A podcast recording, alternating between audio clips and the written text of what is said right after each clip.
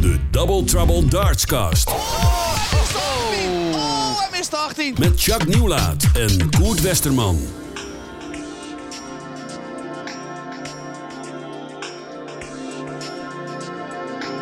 Aflevering 22 alweer van de Double Trouble Dartscast. Welkom kijkers via YouTube en luisteraars via de Spotify-kanalen van onder andere Mastercaller.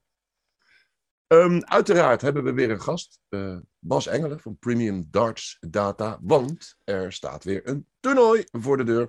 Het EK, beetje gek toernooi, paar rare namen erbij. Maar wel alle reden om daar zometeen uh, op voor te beschouwen. We gaan ook nog even terug naar de World Grand Prix. We hebben nog wat nieuwtjes. We hebben kijkersvragen. Challenge gaan we weer doen van uh, Wilco. En uh, uiteraard weer belangrijke data uit het verleden. Bommetje vol zitten we, dus ik ben alweer veel te lang aan het inleiden. Welkom Jacques, welkom Bas. Bas, wat is jouw moment van de week? Um, ja, ik probeer toch altijd iets van de statistieken uh, terug te laten komen in mijn moment van de week. En mij viel op dat in uh, de derde set van de finale van de World Grand Prix tussen Clayton en Price een gecombineerd gemiddelde van 226,33 noteerde in die set. Dus Clayton gooide 111 gemiddeld en Price 115. Dat is bizar hoog. Toen ben ik even gaan zoeken of dat ook het allerhoogste ooit is wat, er terug, wat ik terug kan vinden. Want van vroeger kan je niet alles terugvinden. Maar het is de nummer 2 all-time. Zo. Uh, de nummer 1 all-time, die is zelfs nog bijna twee punten hoger. Dat was uh, ook de derde set van de finale. Alleen dan in uh, 2016 tussen Van Gerwen en Emerson. Toen noteerde Van Gerwen 114,96 en Emerson 113. dus die gingen echt met z'n tweeën nog net iets losser dan Price en Clayton. Wat? Dat realiseer je helemaal niet als je in die studio zit te kijken naar zo'n set. En uh, dus ik vind dat wel ja, onthullend bijna. Bizar. Ja, en die, de setgemiddelde van Price van 115,29, dat is dan het hoogste setgemiddelde ooit waarmee je verliest. Op een, in de World Grand Prix, daar komt het nooit voor. Nee. Maar het was ook de derde hoogste ooit. derde? De World Grand Prix. Ja, de derde. Nummer twee is Michael van Gerwen. in 2015 in de, bij de laatste 32. En nummer 1, ja, Jacques kan hem raden. Er is ook vaak discussie over geweest over deze wedstrijd. Uh, is dat Alan uh, Warner dan? Ja, ja? dat is Alan Warner inderdaad. 118,66 in uh, 2001.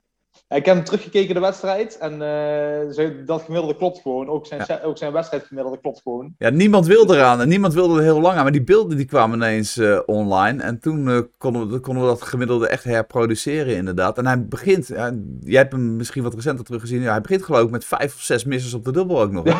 Ja. dus als je die eraf haalt, was het nog hoger geweest.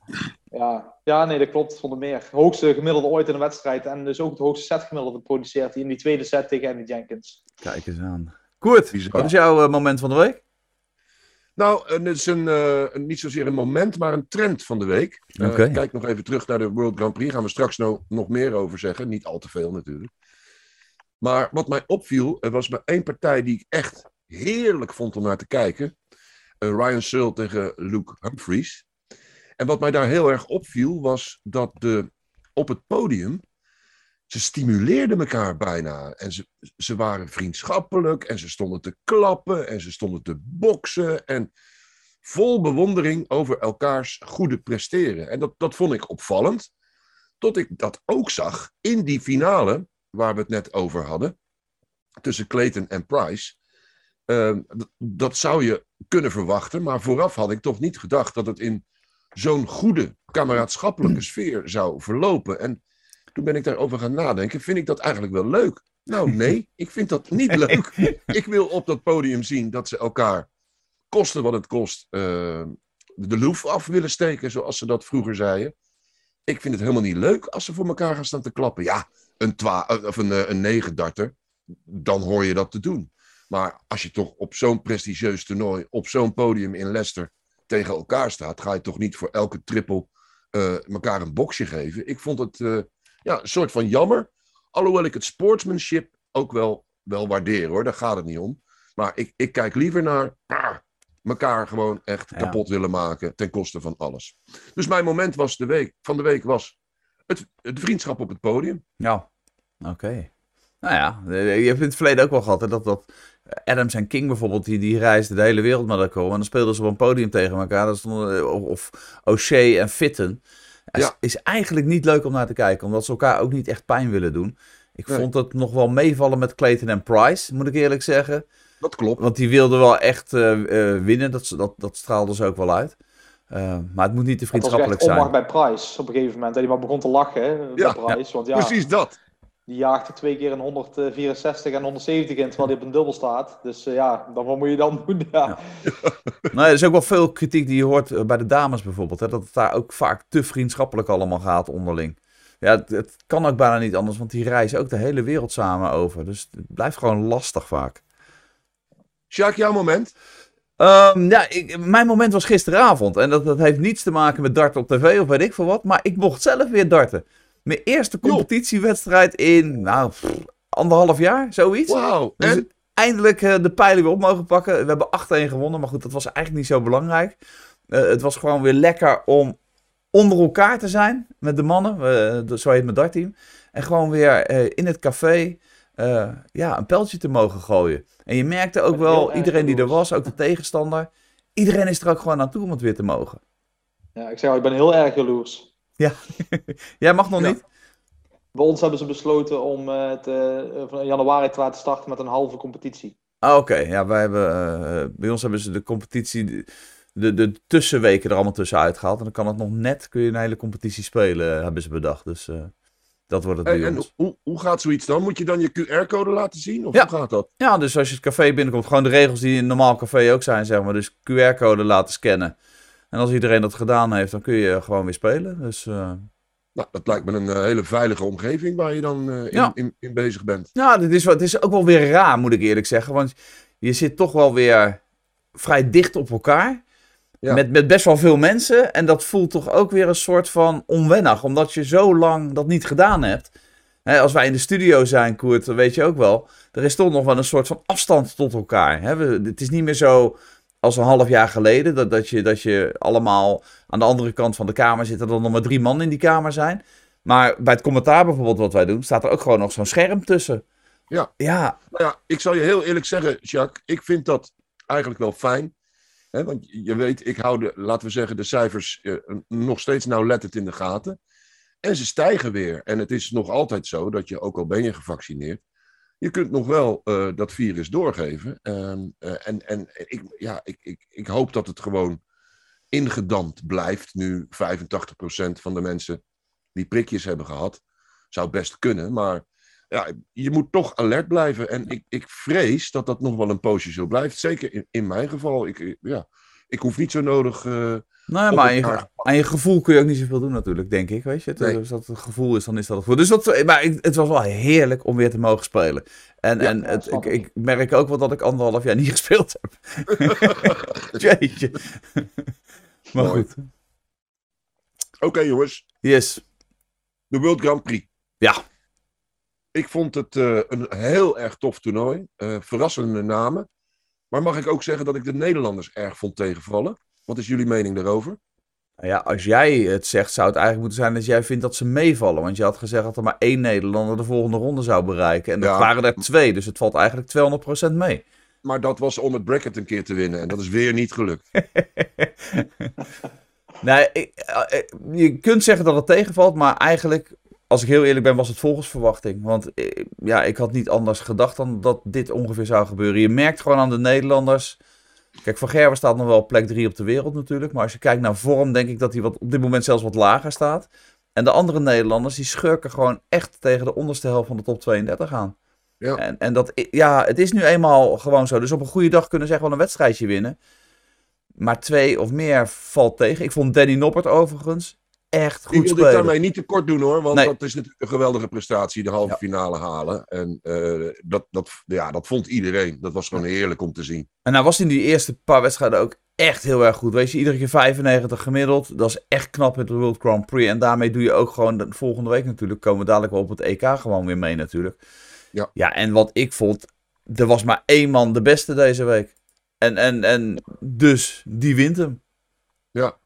Johnny Clayton. Eindelijk, eindelijk, eindelijk een ranking event wat hij weet te winnen. komen we straks nog wel even op terug, want dat heeft gevolgen voor zijn positie op die wereldranglijst. Bas, heb jij nog uh, opvallende dingen gezien tijdens de World Grand Prix? Je had natuurlijk al dat geweldige gemiddelde, maar waren er nog meer dingen die jou opvielen? Of kun je akkoord verklaren met uh, hetgeen zojuist gezegd is? Ja, we, we, zijn misschien een beetje verwend geweest de afgelopen jaren met de Nederlanders, waarin Michael altijd uh, het toernooi won of de finale haalde. En dan een andere, als een andere Nederlander daarbij in de buurt kwam, dan hadden we al een goed, uh, een goed toernooi. Dus ik vond de Nederlanders eigenlijk niet zo tegenvallen. Alleen, uh, alleen, alleen Dirk vond ik tegenvallen. Ja. als je zijn vorm van het afgelopen jaar terugzet tegen dit resultaat. Maar verder, Nop, Noppert was goed. En Vincent moest tegen Noppert in de tweede ronde. Dus ja, dan, dan wordt het wel snel lastig. Ja, Michael deed, deed in zijn uh, partij het niet super, maar het ook niet slecht. Die, die tweede set was gewoon goed. Heel goed. Uh, alleen Danny was gewoon net iets beter. Dat was inderdaad gewoon een, be een beetje zijn toernooi, totdat hij tegen de uiteindelijke winnaar terecht kwam. Ja, ja kleermaker vond ik ja, dan ook okay. wel een beetje tegenvallen, als ik heel eerlijk ben. Kijk, ik weet dat het zijn debuut is op de World Grand Prix. Maar hij staat er en dan verwacht je toch dat hij beter speelt dan wat hij deed. Hij zat er dichtbij in die eerste set bij King. En, en hij krijgt twee pijlen voor de set. Die mist hij. En daarmee geeft hij eigenlijk die hele wedstrijd uh, uit handen. Uh, Eén tikkie moet je niet knock-out gaan. Weet je, dat misschien, maar misschien moet hij dat nog een beetje leren. Dat zou kunnen. Ja, die heb ik over het hoofd gezien inderdaad. Er was inderdaad, er had meer in gezeten. Want King die komt twee keer niet boven de 80 uit in allebei zijn sets. Nee. zit ergens in midden 70. Dan moet je gewoon, als je de Prix haalt en je hebt een tegenstander die dat doet, dan moet je gewoon, uh, ja, dan moet je eigenlijk gewoon minimaal een set kunnen pakken. Ja, ja en, en Ryan Searle was goed. Ja, die vond ik echt ja. een van de positieve uh, spelers die eruit sprongen. Maar toch ook weer een Ryan Searle, hè? goed spelen en dan één mindere wedstrijd en dan er ook gewoon uitgaan. Ja. Ja, ja klopt. Dan werd uh, begin deze week bekend uh, welke invites uh, van de Nederlandse makelij uh, zometeen naar de WSF, de World Series Finals in Amsterdam in de AFAS uh, mogen. PDC. We hebben lang zitten wikken en wegen. Wie zou de PDC doen? Kaartverkoop misschien. Als die zou tegenvallen, dan zou Raymond van Barneveld wel eens een kans kunnen maken. Want het is een invitatietoernooi. Dus de PDC heeft daar ook de, de vrijheid in om, om te zeggen: Nou, we willen die, we willen die. En puntje bij paaltje. Um, was het denk ik voor Raymond wel een teleurstelling te vernemen dat de PDC gewoon de ranglijst heeft gevolgd. Um, Dirk van Duivenbode, Danny Noppert, Vincent van der Voort en Jeffrey de Zwaan zijn de vier Nederlandse invites. Uh, we hebben nog gespeculeerd over Vincent van der Voort, of ze die misschien nog een soort van zouden straffen voor zijn bouwde uitspraken over de PDC. Niets van dat alles, gewoon de ranglijst gekeken. Maar geen Raymond van Barneveld, Jacques. Ik concludeer dan dat de kaartverkoop lekker loopt. Ja, dat moet dan bijna wel, inderdaad. Uh, we zaten van het weekend te speculeren. Toen waren Raymond en Vincent ook uh, bij ons uh, in de studio op de finale dag, geloof ik. ja, en behalve Vincent en Raymond, want die wisten het echt niet, zeiden wij eigenlijk allemaal van ja, het lijkt me toch heel sterk. Kijk, Dirk is logisch dat ze hem uitnodigen. Dus de tweede Nederlander op de wereldranglijst. Danny Noppert speelde een goede World Grand Prix. Ook logisch. Ja, dan ga je verder denken. Uh, dan, en dan kom je al vrij snel uit bij Van der Voort. Dus dat is dan de logische nummer drie. Ja, voor plek vier dan, dan kom je dus bij Jeffrey de Zwaan, Jermaine Watimena. Die allebei al een jaar niks doen. Echt helemaal niks doen. En wat ook niet, met alle respect, grote publiektrekkers zijn. En dus wij dachten allemaal, ja goed, als je nog een beetje publiek in die aanvals wil krijgen, dan moet je Van Barneveld uitnodigen. Want daar komen mensen uh, voor naar Amsterdam toe. Daar ko kopen mensen een kaartje voor. Maar ja, ik was er heilig van overtuigd. Als ik mijn salaris had moeten verwedden, had ik dat op Van Barneveld gezet. Maar daarom werd ik ook uh, nooit. Want uh, dan was ik nu bedelaar geworden. Ja, dan had je die shirts achter jou mooi ter veiling kunnen aanbieden om nog Precies. iets te verdienen. Ja, ja inderdaad. Hey, je ziet hem hangen, hè? Die van Jules, die hangt erbij nu. Zeker, ja, hartstikke ja, mooi. Daar zal hij trots op zijn, de Dutch Dragon. Precies. Hey mannen, die, uh, die, uh, die World Series Finals, daar komen we nog wel over te spreken uh, de komende weken. Dus zullen we die even laten voor wat die dan verder is. En ons richten op het aankomende EK, dat donderdag avond begint. Gewoon op RTL 7 te zien. Vier dagen lang zijn we bij je. Ehm, zullen we gewoon eens even kijken wat er donderdag en vrijdag aan partijen staat ge geprogrammeerd. Yep. De kijkers naar dit uh, filmpje, die zien nu een kaart met die partijen. De luisteraars zullen het moeten doen met hoe wij ze nu even gaan doornemen. Uh, beginnen we donderdag met Simon Whitlock tegen William Borland. Uh, Simon Whitlock is er weer, jongens. Ja, ja. oud-winnaar. Ja. Die uh, 2012 toernooi op zijn naam geschreven. Wordt, uh, wordt zijn elfde deelname al aan, aan dit toernooi. Tegen debutant Borland. Dus ehm, ja. ja, voor allebei een spannende wedstrijd. Of, en, je eerste pot op, een, op een major gooien op tv. Ehm, ja, en, uh, en uh, het toernooi we openen eigenlijk na lange tijd, uh, Whitlock. Ja, er zitten natuurlijk heel veel rare namen in dit speelveld. Hè, omdat het maar op, gebaseerd is op twee Eurotour toernooien. Dus er zitten spelers bij die hebben één of twee wedstrijdjes gewonnen. En ja, dan mag je meedoen aan het EK. Terwijl, ik noem maar even, Johnny Clayton thuis zit. Die uh, zit er gewoon niet bij in deze loting. Omdat hij op de Eurotour uh, geen wedstrijd gewonnen heeft. Dirk van Duivenbode zit ook thuis. We hebben maar twee Nederlanders in actie. Het is echt ik weinig. Ik had gekeken, maar de, meeste debutanten in dit toernooi was natuurlijk in 2008. Want dat was de eerste keer dat het toernooi gehouden werd. 32 spelers nieuw. En het jaar erop zijn dan meestal de meeste nieuwe debutanten. Toen in 2009 deden er 10 nieuwe spelers mee ten opzichte van het jaar ervoor. Maar dit jaar doen er 14 nieuwe spelers mee. Dat is nog nooit zo hoog geweest, het aantal. Nee, nee ja, ik, is... uh, ik, ik volg Premium Darts Data op Twitter. Ik raad overigens iedereen aan dat ook te doen. En ik had deze inderdaad uh, uh, langs zien komen van jou, Bas. Ik vond ja. hem uh, ja, verklaarbaar, maar toch. Ja, betekent dat nou dat dit EK enigszins gedevalueerd is, vind jij, Jacques? Ja, want de beste spelers doen hier niet aan mee. Maar ik begrijp wel waarom ze deze keuze hebben gemaakt. Als ja. je de regels gaat aanpassen voor één toernooi, dan uh, is er ook uh, iets voor te zeggen om dat op een volgend toernooi weer te doen. En daar willen ze gewoon niet aan. En je hebt gezien gedurende de hele corona-crisis uh, dat ze aan de wedstrijdreglementen eigenlijk niks hebben aangepast. Soms was het echt pijnlijk en deed het ook pijn bij de PDC. Hè? Die vinden dit ook niet leuk. Die willen ook het liefste gewoon dat Johnny Clayton hier staat en dat, dat Dirk van Duivenbode hier staat. Maar ja, goed volgend jaar is weer een nieuw jaar. Op dit moment is het gewoon even niet anders. Het is ook pijnlijk geweest om uh, spelers te zien. Nou, ik neem Ian White even als voorbeeld. Uh, Ian White die had heel veel te verdedigen op de Eurotour de afgelopen twee jaar. Heeft daar geen kans voor gekregen. Ja, die ziet zijn positie op de wereldranglijst zakken omdat hij niks kan verdedigen. Maar ja, dat is nu eenmaal de regel. Daar kun je niks aan doen. Dus je, je gaat dat geld niet langer op de wereldranglijst laten staan. Overigens, Ian White is er ook niet bij hier. Nee, dat wilde ik namelijk nee. net zeggen. Voor, voor jullie allemaal, ik, ik, neem even snel de partijen van donderdag verder door. Brandon Dolan tegen Kim Huibrechts, die er wel bij is, net. Rob Cross tegen Keen Barry. Luke Humphries tegen Kellen Ritz. José de Sosa tegen Lewis Williams. Peter Wright tegen Florian Hempel. Mensur Suljovic tegen Adam Hunt. En Joe Cullen gooit tegen Ted Evans. Mij lijkt uh, Luke Humphries tegen Kellen Ritz nog geen uitgemaakte zaak. Verder zou ik iedereen willen adviseren gewoon de hoogst geplaatste speler door te laten gaan in de bracket. Alle linkse spelers? Ja. Dat ga ik niet ja, doen. Ik, uh, ik heb dat niet gedaan, nee. Ik, zo, uh, ik heb hem ook anders bekeken. Oké, okay, vertel. Ja, ik heb Rits tegen Humphries te kijken onderling. Er staat 3-0 voor Rits. Humphries nog niet gewonnen bij de PDC van, uh, van Rits. Wow. En dat geldt ook voor de Souza tegen Williams. Louis, Louis Williams, de jonge Welshman. Twee keer gespeeld, twee keer Williams gewonnen. Eén keer op de UK Open en één keer een Players Championship. Ah, die had je niet moeten weggeven, joh. Dan gaat, dan gaat mijn bracket weer. Nu gaat iedereen dat doen. Ja, maar de echte, echte, de echte kenners hebben hem al lang ingevuld, Jacques. Ja, dat is waar. ja, en ik denk, maar goed, het is een beetje gisteren. Ik denk dat Kim Huibrechts ook op het punt staat om een keer ergens een heel goed resultaat te halen. Als je kijkt naar zijn gemiddelde op de, op de toernooien, dan zijn zijn gemiddelde te hoog voor waar hij verliest iedere keer. Dus hij verliest te snel. Uh, en dat komt ook vaak omdat hij een hele goede gemiddelde afwisselt met een heel slecht gemiddelde. Uh, maar ik denk dat Huibrechts binnenkort een keertje ergens die drempel overgaat. Ja, dat kan goed, ja. Dat zal hij mooi vinden om te horen. Uh, verder nog over pijnzingen bij de donderdagwedstrijden? Of gaan we naar vrijdag toe? We gaan naar vrijdag. Ik niks meer weg. Ja. Adam, Adam Gavlas tegen Joe Murnan. Ratajski tegen Noppert. Dat heeft Danny weer. Ja. James Wade tegen Adam Smith New ken ik niet goed. Um, Nathan Espinol tegen Murph King, die er dus wel bij is. Dan Michael Smith tegen Ryan Searle. Dat wordt echt de knaller van de avond. Heeft Michael, Michael Smith weer?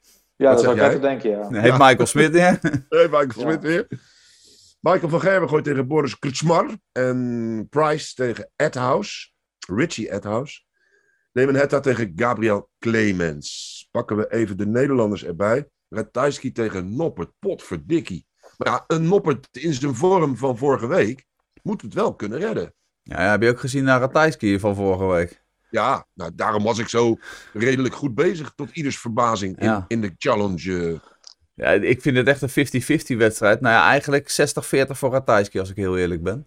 Oké. Eh, maar Noppert, als hij speelt zoals hij afgelopen week speelde, heeft hij zeker wel kansen. Hij is niet kansloos. Allebei nog nooit door de eerste ronde gekomen van het EK. Drie keer Ratajski in de eerste ronde eruit en Nopper twee keer. Dus dat wordt ook wel leuk voor één van de twee.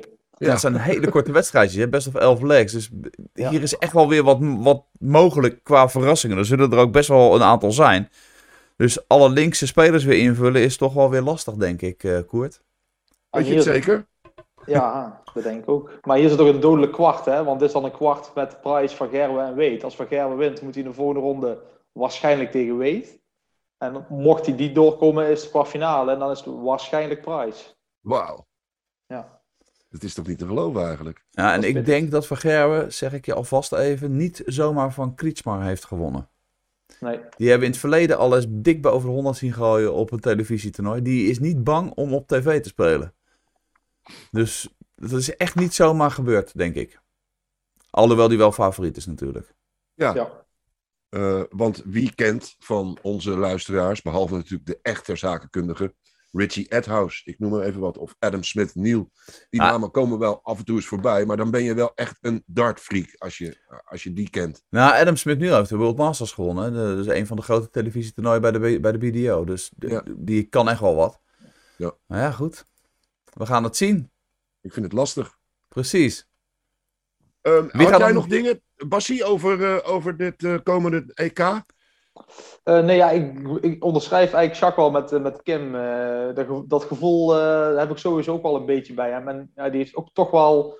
Ja, je zit een beetje naar de loting te kijken, maar tegenwoordig heeft niemand echt meer een makkelijke loting. Die bestaat eigenlijk niet meer, om het zo maar te zeggen. Dan denk je zo'n De Sousa, die heeft dan een makkelijke loting tegen Williams, maar die heeft er nog nooit van gewonnen. Dus ja, ja was nou tegenwoordig nog makkelijk? Ehm, ja, nee, dat bestaat eigenlijk niet meer bij de PDC. Dat is ook wel weer grappig. En dan er zit eigenlijk nou, niet de B-garnituur waarnaar we zitten te kijken, maar je mist er gewoon een hele hoop A-spelers eh, dit toernooi, zeg maar. Dus die zijn er niet eens bij. Nee, dat is, eh, dat is zonde, maar we weten inmiddels eh, hoe dat eh, komt. Ehm, vanaf donderdagavond dus, 8 uur, eh, op eh, de gebruikelijke zender in Nederland tot eh, en met het WK nog, RTL 7 te zien. Yes. Het EK Darts. Dan even naar de toernooien van afgelopen week, want we zijn hier niet alleen bezig met de PDC. Er, eh, heeft Sjaak al gezegd, wordt nog meer gegooid in de wereld.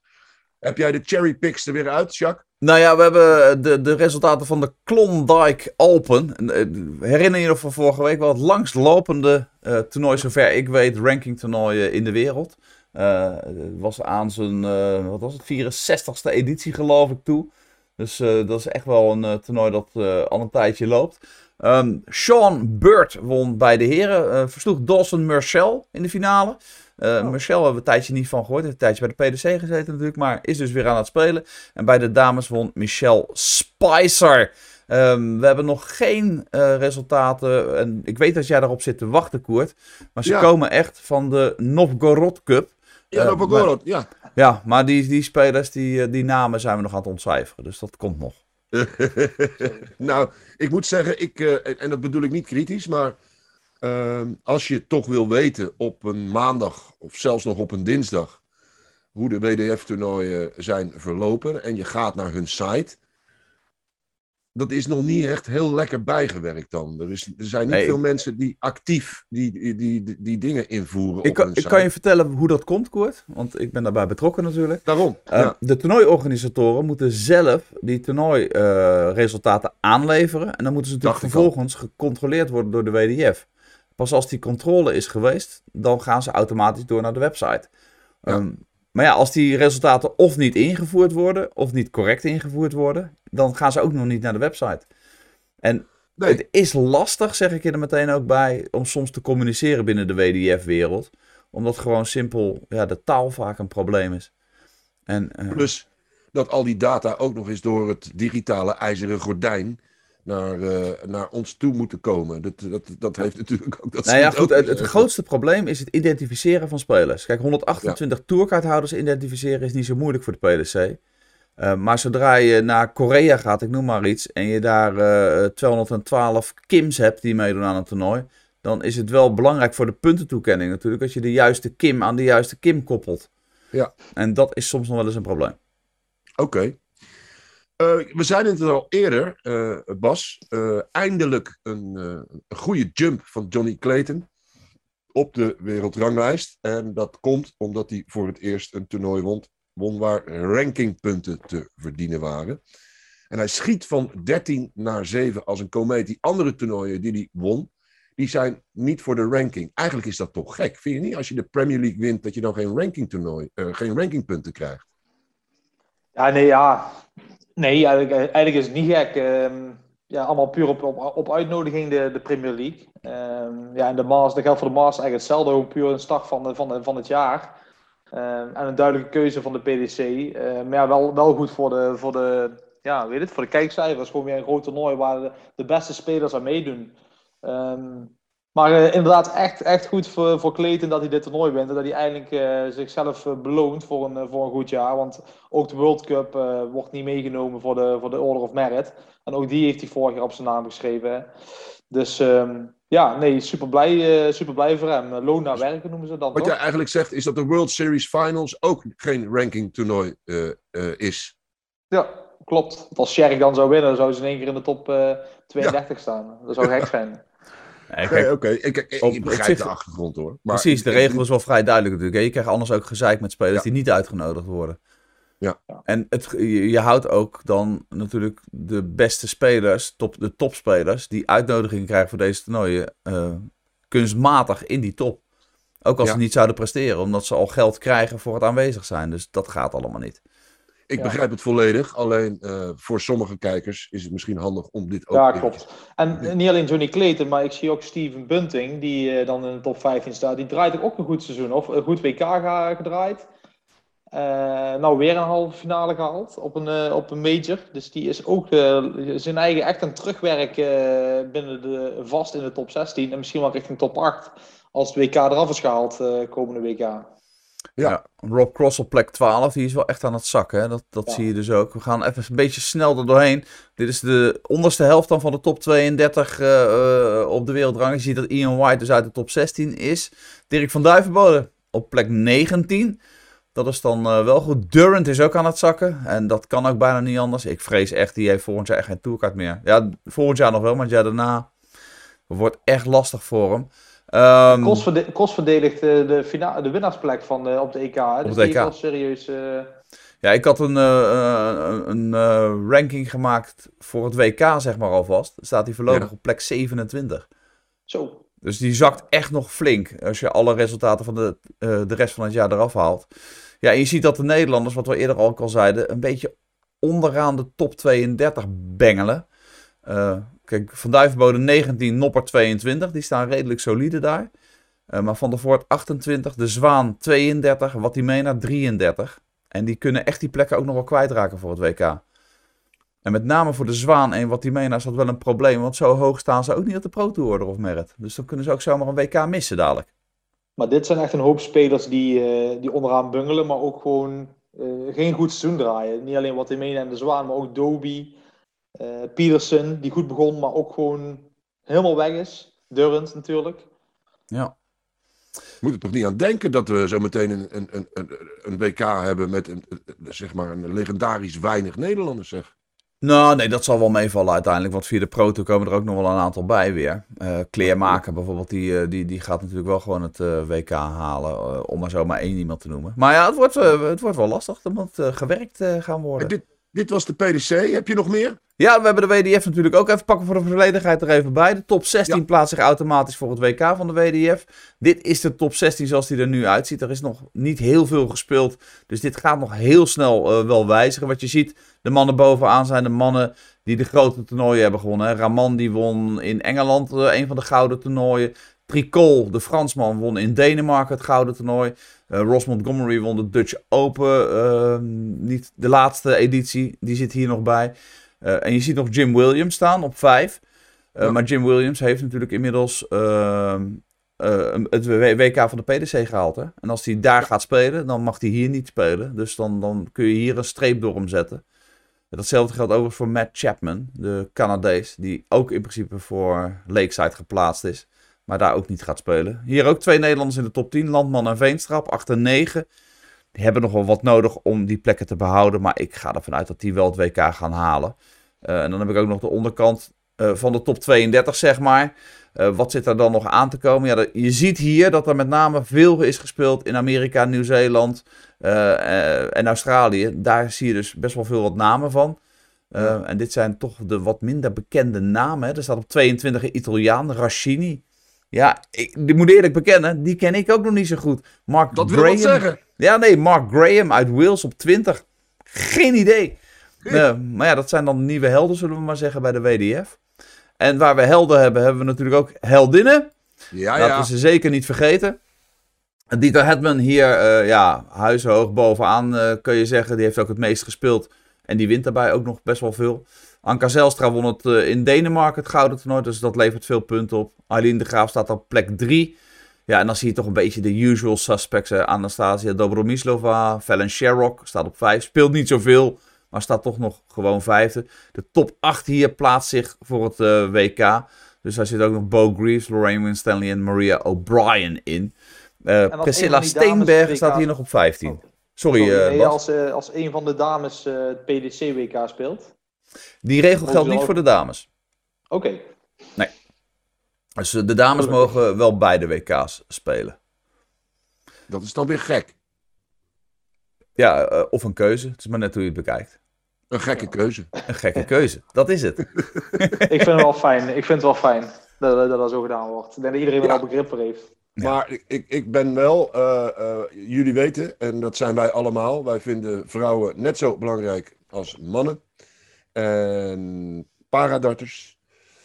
Iedereen doet mee, maar ik vind wel dat voor iedereen dezelfde regels moeten gelden. En daarbij wordt met de dames nogal eens ja, een beetje, hoe zou ik het zeggen, misschien iets te voorzichtig mee omgegaan. Nou ja, er wordt een beetje positief gediscrimineerd, zou je kunnen zeggen. Maar ja. in dit geval, kijk, uh, wat geldt, de regel is dat tourkaarthouders mogen niet spelen. Dus Lisa Ashton mag niet op het WK van de WDF spelen. Nee. Want die heeft een contract met de PDC getekend. Ja. Je kunt je afvragen hoe dat uh, zit als bijvoorbeeld Fallon Sherrock zich ook plaatst voor dat WK. Die is dan eigenlijk alleen maar lid van de PDC tijdens het WK. En Ja. dus, ja, weet je, dan uh, uh, na het WK is ze weer vrij om te spelen waar ze wil. Nee, maar bijvoorbeeld, laten we zeggen, Veenstra Ja, of Van Dongen, daar geldt dat niet voor. nee. Ja, daar, in principe geldt dezelfde regel daar natuurlijk wel voor. Maar de spelers die het WK halen, uh, bijvoorbeeld Jim Williams is nu een goed voorbeeld. Die heeft ook een tourkaart volgend jaar. Dus ja, ja dan... Ik begrijp wel waarom ze dit doen. Oké. Okay. Nou, als jij het begrijpt, dan, uh, dan moet het logisch.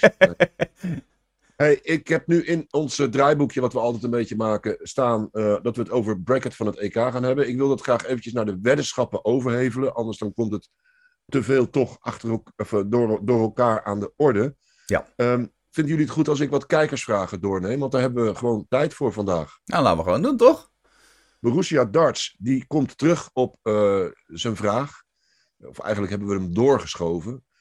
Um, wat is het duurste setje pijlen van de wereld op dit moment? En Jacques wist dat wel, maar hij kon het nog niet laten zien. En ja, voor de luisteraars is het echt heel jammer. Sorry daarvoor. Maar wil je dat setje zien? Want Jacques heeft het nu gewoon naast zich staan. Het allerduurste setje ter wereld. Die gaat het nu laten zien. Een soort van unboxing op een Ja. YouTube-filmpje. Het, het is lastig om te laten zien misschien, maar ik heb hem binnen. Ehm, het gaat altijd ieder jaar op de Target Elysium. En dit is de doos waar die in komt. En eigenlijk is die doos al iets waarvan je zegt, dat ziet er al meteen cool uit. Wat een grote doos. Ja, het is een grote doos. het café. Het is een grote doos. Kijk, een... mooi open. Ja? En dan zit er het eerste wat erin zit, is een boek. Ik Oh. zal het er even uitpakken. De dikke van Darten bij Elysium, wat leuk! Nee, het is niet de dikke van Darten, want hij is heel dun, Oh. zie je? Het is de Ja. dunne van Darten. Maar daar staat helemaal in uitgelegd, eh, ja, het idee achter eh, Elysium, hoe het gemaakt wordt en, en Eh, het is eigenlijk een soort concept dart. Zo moet je het een beetje zien. Uh, Target laat hiermee zien wat ze kunnen. Het maximale wat ze uit hun machines kunnen halen. En dat verpakken ze dan in een, ja, in een prachtige doos. Ik bedoel, er is verder... het ziet er echt heel erg gelikt uit. Kijk, hier... Ik weet niet of je dat kan zien. Ja, hoor. Hier zit je reserve chaffies en je reserve flights. En ja, zo'n zo'n apparaatje om de punten te verwisselen zit erin. Ja, en dan hieronder hier zit nog een, uh, een standaardje. Die kun je zelf in elkaar bouwen waar je de pijlen op kan, uh, kan displayen als het ware. En dan aan deze kant zitten de pijlen. Ook weer netjes weggewerkt. En ik heb er eentje alvast uitgehaald. Ik denk dat kan ik hier even laten zien. Kijk, en dit zijn ze dan. Eigenlijk moet ik ze met een uh, fluwelen handschoentje aanpakken. Ja. Want uh, ja, wat we al zeiden, het is het duurste setje ter wereld. Dus ze zijn ook echt wel kostbaar. Uh, en er worden er ook maar heel weinig van gemaakt. Hè. 200 setjes uh, met stalen punten en 200 setjes met softtip punten. Dus het is wel echt bijzonder uh, wat ik hier in handen heb. En, Twee vragen, Jacques. Ja. Ehm, is het de bedoeling dat ermee gegooid wordt? Of is het alleen een pronkstuk? Ja, het, het, ja, goed, het zijn dartpijlen, dus je kunt ermee spelen. En, en ze zijn prachtig in balans. Ik heb er stiekem al eventjes mee gegooid. Maar ik moet wel zeggen, ik durf dan alleen de eerste pijl in de 20 te gooien, de tweede in de 19 en de derde in de 10, zodat ze elkaar niet raken. dat... heb je het niet mee in competitie gedacht? Nee, nee, nee, nee, nee ik heb het niet mee in competitie gehad. Maar het is... Jacques even plassen, is die ze kwijt. Ja, precies. Het, is, je ziet wel eens van die filmpjes hoe ze zo'n pijl maken in zo'n machine. En dan duurt dat meestal, nou wat is het, eh, een minuut denk ik, ongeveer. Ja. Deze pijlen draaien, dus het maken in die machine, duurt een uur. Wauw. Dus het, zo gecompliceerd ja, is het eigenlijk om deze pijl te maken. En het is, ja, als je de hand hebt, het, het ziet er echt prachtig uit. Het is, het is echt uh, hogere wiskunde qua dartpijltechniek. En als je de setjes bekijkt die ze in het verleden hebben gemaakt, dus dit is dan de zevende editie. Als je kijkt naar één of twee of drie, die zie je ook terugkomen in de pijlen van sommige topspelers nu. Dus het is een concept-idee, maar het komt ook wel daadwerkelijk terug in pijlen op een gegeven moment. Jacques, Jacques. Ja. Wat kosten ze? Uh, 500 euro ongeveer. Oh. Per pijl? Nee, nee, met z'n drie, dat dan wel. ja, nee, het, is, het, is, het zijn, het zijn eh, eh, de, de, buiten de prijs, kijk, de prijs kunnen we dan ophangen. En je kunt ze volgens mij wel kopen online, maar zeer beperkt. En ze zijn zo weg. Ja. Ik, ik praat eens met de leveranciers die deze pijlen verkopen dan als het ware voor Target. Um, die willen het liefst uh, eh, 100 setjes hebben, maar dan krijgen ze er maar 20 of zo uh, aangeleverd. Uh, omdat ze over de hele wereld verspreid moeten worden natuurlijk. Dus ja. het is niet zozeer of je ze kunt betalen, maar of je ze kunt krijgen is eigenlijk meer het probleem. Helemaal duidelijk. Dit was nogal een uitgebreide kijkersvraag. Dus ja. ik heb hier nog een paar staan, maar die schuiven we weer lekker door naar de volgende show. um, ander dartsnieuws nog even kort behandelen, want ik was een beetje vergeten vorige week te zeggen, want het is al even zo, dat de registratie voor de Toto Dutch Open Darts 2022 inmiddels open staat. Voor mensen die dat nog niet weten, is sinds vorige week open. Planning is nu 4 tot en met 6 februari in de Bonte Wever, de Toto Dutch Open Darts. Waar iedereen aan kan meedoen, toch, Jacques? Jazeker. Ik heb er vaak aan meegedaan in het verleden. En ik heb al een ja. paar keer ook tegen een keer tegen Martin Adams gespeeld, een keer tegen Andy Fordham gespeeld, een keer tegen Les Wallace. Dus als je wat verder in het toernooi komt, dan heb je ook echt wel de mogelijkheid om tegen dat soort toppers uh, te spelen, zeg maar, op een gegeven moment. is echt leuk. Ga jij meedoen, Bas? Uh, ik heb ook, ook vaker meegedaan. Uh, toen ik nog in Veldhoven was, want dat is dan bij mij vlak in de buurt. Ja. ik ben nog niet in Assen geweest en het stond eigenlijk wel op de planning. Ik, heb, ik schuif hem denk ik een jaartje door. Oh, ja. ja ik wil okay. even kijken. Het valt soms samen met de Masters. Dus het, het, ligt er een beetje aan wanneer de Masters zijn. Of ik dan ook. Uh, en soms ook valt het samen met de Super Bowl. Dus ja. Ja, dat, uh, ja. daar moeten ze bij jou vanaf blijven. Ja, precies. Super Bowl Sunday is heilig. En jij, Koert, ooit meegedaan? Nee, nee, nee, jongen. Ik kan helemaal niet zo goed darten. Dus, dat is uh, niet nodig. Puur recreatief dat ik af en toe eens wat gooi. Dat mag geen naam hebben. Um, over, nog eventjes over die uh, wereldranglijst. En uh, jij, Sjaak, hebt er al iets over gezegd. Maar inmiddels begint ook het deelnemersveld uh, internationaal vol te lopen. Nou ja, vol nog niet. Maar er zijn dus al spelers in de wereld die weten dat ze zich hebben gekwalificeerd voor het PDC-WK. Ja. Dat in december weer gaat beginnen. Allerlei verschillende toernooien, verschillende zones en regio. Ik noem even de mannen die het nu al zeker weten. zijn Martin Schindler, Lawrence Ilagan, Matt Campbell, Jim Williams, door jou al genoemd. En Danny Lauby. En daar is nu ook Yuki Yamada bijgekomen. Dat betekent dat we Yuki Yamada gaan zien uh, als Japanse aas. En dat is niet een naambas die wij vaak zien op het PDC-WK, toch? Yuki Yamada. Ik weet eigenlijk niet of hij al eerder meegedaan heeft. Ik heb hem wel een paar keer voorbij zien komen. Ja, hij heeft volgens mij al eerder meegedaan. Maar niet recentelijk. Ik zal eens even kijken, want ik ben altijd mij wel uh, lekker op de hoogte. Volgens mij, je bent trouwens nog één keer meegedaan, ja. ja. Klopt. Dat was, uh, twee jaar, nee, dat was uh, 2020. Ja. Oké, okay, dus dan zit het slecht in mijn geheugen weer. Ja. ja, en je vergeet, en je vergeet natuurlijk wie er ook uh, meedoen, uh, is Kevin Price als titelverdediger. Die is ook zeker. Nee, oh ja. Oh ja, ja. ja tuurlijk. Ja. Die had ik daarbij moeten zetten. Nee, Jacques, ja, je bent weer helemaal echt heel scherp. Um, volgens mij ben ik dan door mijn nieuws heen. Oké kunnen wij naar de verjaardagen en herinneringen van jou, Jacques. Want jij gaat het in jouw database van de Mastercaller. Die, uh, als je iets wil vinden over het darten, werkelijk fenomenaal is. Dus uh, daar kan je gebruik van maken via bijvoorbeeld de site van mastercaller.nl. Maar daar gaat Jacques dan uh, induiken en die kijkt naar 13 oktober, want dat is de dag dat we dit opnemen voor deze week. En wat zien we dan zoal in het verleden? Nou, laten we eens beginnen met een verjaardag. Dat is altijd wel leuk. Deze man is vandaag jarig. Luke Woodhouse. We hebben hem vorig jaar aan het einde van het jaar wel een paar keer gezien. Players Championship Finals speelde hij goed. Hij speelde ook op het WK. Hij wordt vandaag 33 jaar. Van harte gefeliciteerd. Dan gaan we iets verder terug in de tijd. 2013. Toen werden de Winmau World Masters uh, op deze tijd gehouden. En de winnaars waren deze twee. Uh, Steven Bunting won het bij de heren en Dita Hetman won hem bij de dames. Het bijzondere aan deze editie van 2013 was dat Steven Bunting de eerste speler ooit werd die hem bij de junioren en nu dus ook bij de senioren won, de World Masters. En hij won het toernooi, en dat is best bijzonder, zonder een set te verliezen. Ze spelen dat toernooi in sets. Uh, finale, om maar even iets te noemen, best wel 13 sets. En om dan het hele toernooi lang niet één set te verliezen, dat is wel echt heel erg knap. Dus uh, ja, voor Bunting is dat inmiddels dus ook al acht jaar geleden. Maar we kunnen nog wat verder terug in de tijd. Uh, naar de jaren 80. Een van de grootste toernooien van de jaren 80 was de MFI World Matchplay. Eigenlijk kennen we het toernooi op dit moment alleen nog maar als we het af en toe eens een keertje hebben over John Lowe en de eerste negen darter ooit. Want die was ook op de MFI World Matchplay. Uh, maar dat toernooi was, uh, ik denk dat het een jaar of 4, 5 gehouden is, de MFI World Matchplay. En in 1985 was het Eric Bristow die het uh, toernooi wist te winnen. Versloeg Bob Anderson in de finale met 5-4. En pakte daarmee zijn titel. Ja, hij was de dominante speler in die jaren. Dus, nou ja, toch ook alweer, wat is het? 36 jaar geleden. My god. Wow. Ja. Wijlen Eric Bristow dat we zijn naam nog maar vaak mogen noemen. Um, de toernooien van volgende week neem ik even snel met je door. De Virginia Beach Classic in de Verenigde Staten is een zilveren toernooi van de WDF. De British Open is een gouden. De British Classics wordt een beetje tegelijkertijd gehouden. Is het zilver, de zilveren variant daarvan. En we hebben de Super Series nummer 7.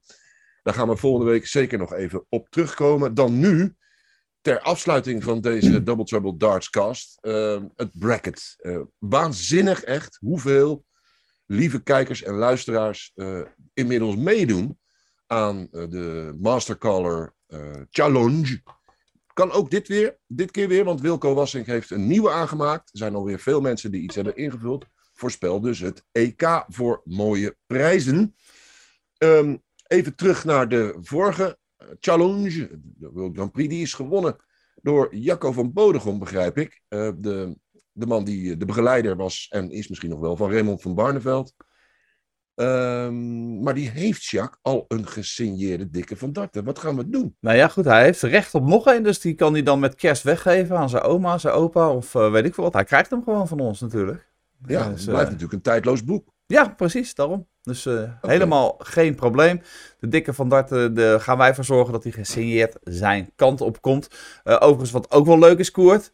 Uh, de man die normaal gesproken aan mijn linkerkant zit, Frank Vischaper, derde geworden in het bracket. Dat is toch ook wel Waarvoor enorm en Precies. heel veel diep respect. Dus die krijgt ook nog een prijsje. Gold, ja, ook voor Frank Gold dat veel kijkers en luisteraars zeiden: hoe kan dat nou? Frank en Koert zo hoog in de bracket. Nou ja, we hebben er af en toe best verstand, verstand van. Ik ben uiteindelijk twintigste geworden, maar Frank, diep petje af voor hem. Hoeveel was jij? Ik, Ja? twintigste. Ah, Oké, nou dan krijg jij een puntje erbij eh, voor de weddenschap, hè? Ja. Dus je bent iets hoger geëindigd dan mij. Het scheelde Ja, en, nauwelijks iets, hoor. nee, en daarom vraag ik het ook maar niet. Nee, ik, ik blijf erbij. Ik heb, hem niet, 20 en nog extra. ik, ik, ik heb hem niet ingevuld, zeg ik nog steeds. Dat, dat- ik ben niet degene die op plek 171 is geëindigd. Echt niet. hey, niet lachen, eh, Engelen. Ik durf Vijf- niet te kijken. Ik had er nog ben 10 jij onder me, ja? Vijf eh, tegen zeven. Stel is dat ik het was tussen- geweest. tussen mij en Jacques. Vijf tegen zeven. Ehm, doe mee aan die challenge. eh, weer voor de, de bekende leuke, leuke prijsjes die je daarmee kunt verdienen. Aan jou het woord, Bas, voor zeg maar jouw voorspelling. Jij hebt het bracket ook al ingevuld voor het EK. Wie heb jij laten winnen? Of weet je dat niet meer? Want ik heb vaak moeite. want Ik denk van wie heb ik nou laten winnen? Ja, ik doe eigenlijk al eh, een jaar of vijf, ik doe eigenlijk al langer mee met dit soort dingen. En ik altijd eh, zet ik altijd van Gerben als winnaar neer, omdat je daar gewoon gewend bent, zeg maar. Ik heb nou Ja. voor het eerst gewoon dat ik daar ben van afgestapt. Zo. Dus ik heb eh Price tegen Wright in de finale. En Wright als winnaar. Oké. Dan zal Van Gerwen hem wel winnen, denk ik. Ja, dat is een gedachte. Zo gaat dat bij mij meestal. Ik voorspel altijd eh, heel goed, maar dan een toernooi te laat of zo. Nou, voor onze onderlinge weddenschap. Wie wordt Europees kampioen, Jacques? Oh. Ehm. Nou, Van Gerwen. Het is wel een toernooi wat hem ligt. Hè. Je moet die laatste dag drie wedstrijden spelen. Dat ligt hem over het algemeen goed. Dus ik ga voor Van Gerwen. Ik ga voor Price. Laf. Dan weet je dat. Dat ze in de kwartfinale tegen elkaar mogen spelen. En dat Van Gerwen Price helemaal van het bord mag tikken dan. Oh. Ja, Dat laat ik aan jou. We zijn inmiddels weer lekker drie kwartier bezig. Dat betekent dat we er een punt gaan aandraaien. Een mooie darts punt. Bas, wil jij nog ergens op terugkomen? Heb je nog iets bedacht wat je zei? Van, ik, ik wil dat nog even zeggen. En wat ik helaas voor jou nog niet aan de orde heb gesteld. Eh, nee, ja, je vraagt altijd super netjes op het einde, maar dit duurt zo lang altijd. Dan krijg je alle ruimte en tijd om met mijn inbreng erin te gooien. Hartelijk, Nee, dank wederom, voor, hartelijk dank wederom voor deze inbreng. En eh, voor het bij elkaar zoeken van jouw premium darts data. Eh, tot snel een volgende keer. Jacques, wil jij nog ergens op terugkomen? Nou ja, laat ik nog eventjes noemen. Challenge.com. En dan schuine streep 2021 European Championship. Daar kun je het bracket vinden. We gaan het ook nog wel even posten in onze eh, tweets die we over de Double Trouble Dartscast eh, doen. Ja, en je kunt altijd Wilco Wassink volgen op Twitter. Want dat is natuurlijk de man die geheel vrijblijvend en vrijwillig alles voor ons en voor jullie netjes bijhoudt. Waarvoor dank ook Wilco. Mannen, eh, het was weer gezellig. Bas, ja, tot, de, tot een volgende keer heb ik al gezegd. Jacques, jou zie ik volgende week gewoon weer. Hè? Eh, ik vrees van wel, ja. Oké. Bedankt allemaal voor het luisteren en het kijken. Tot de volgende. De Double Trouble Dartscast. Kijk en luister je op YouTube en via Spotify.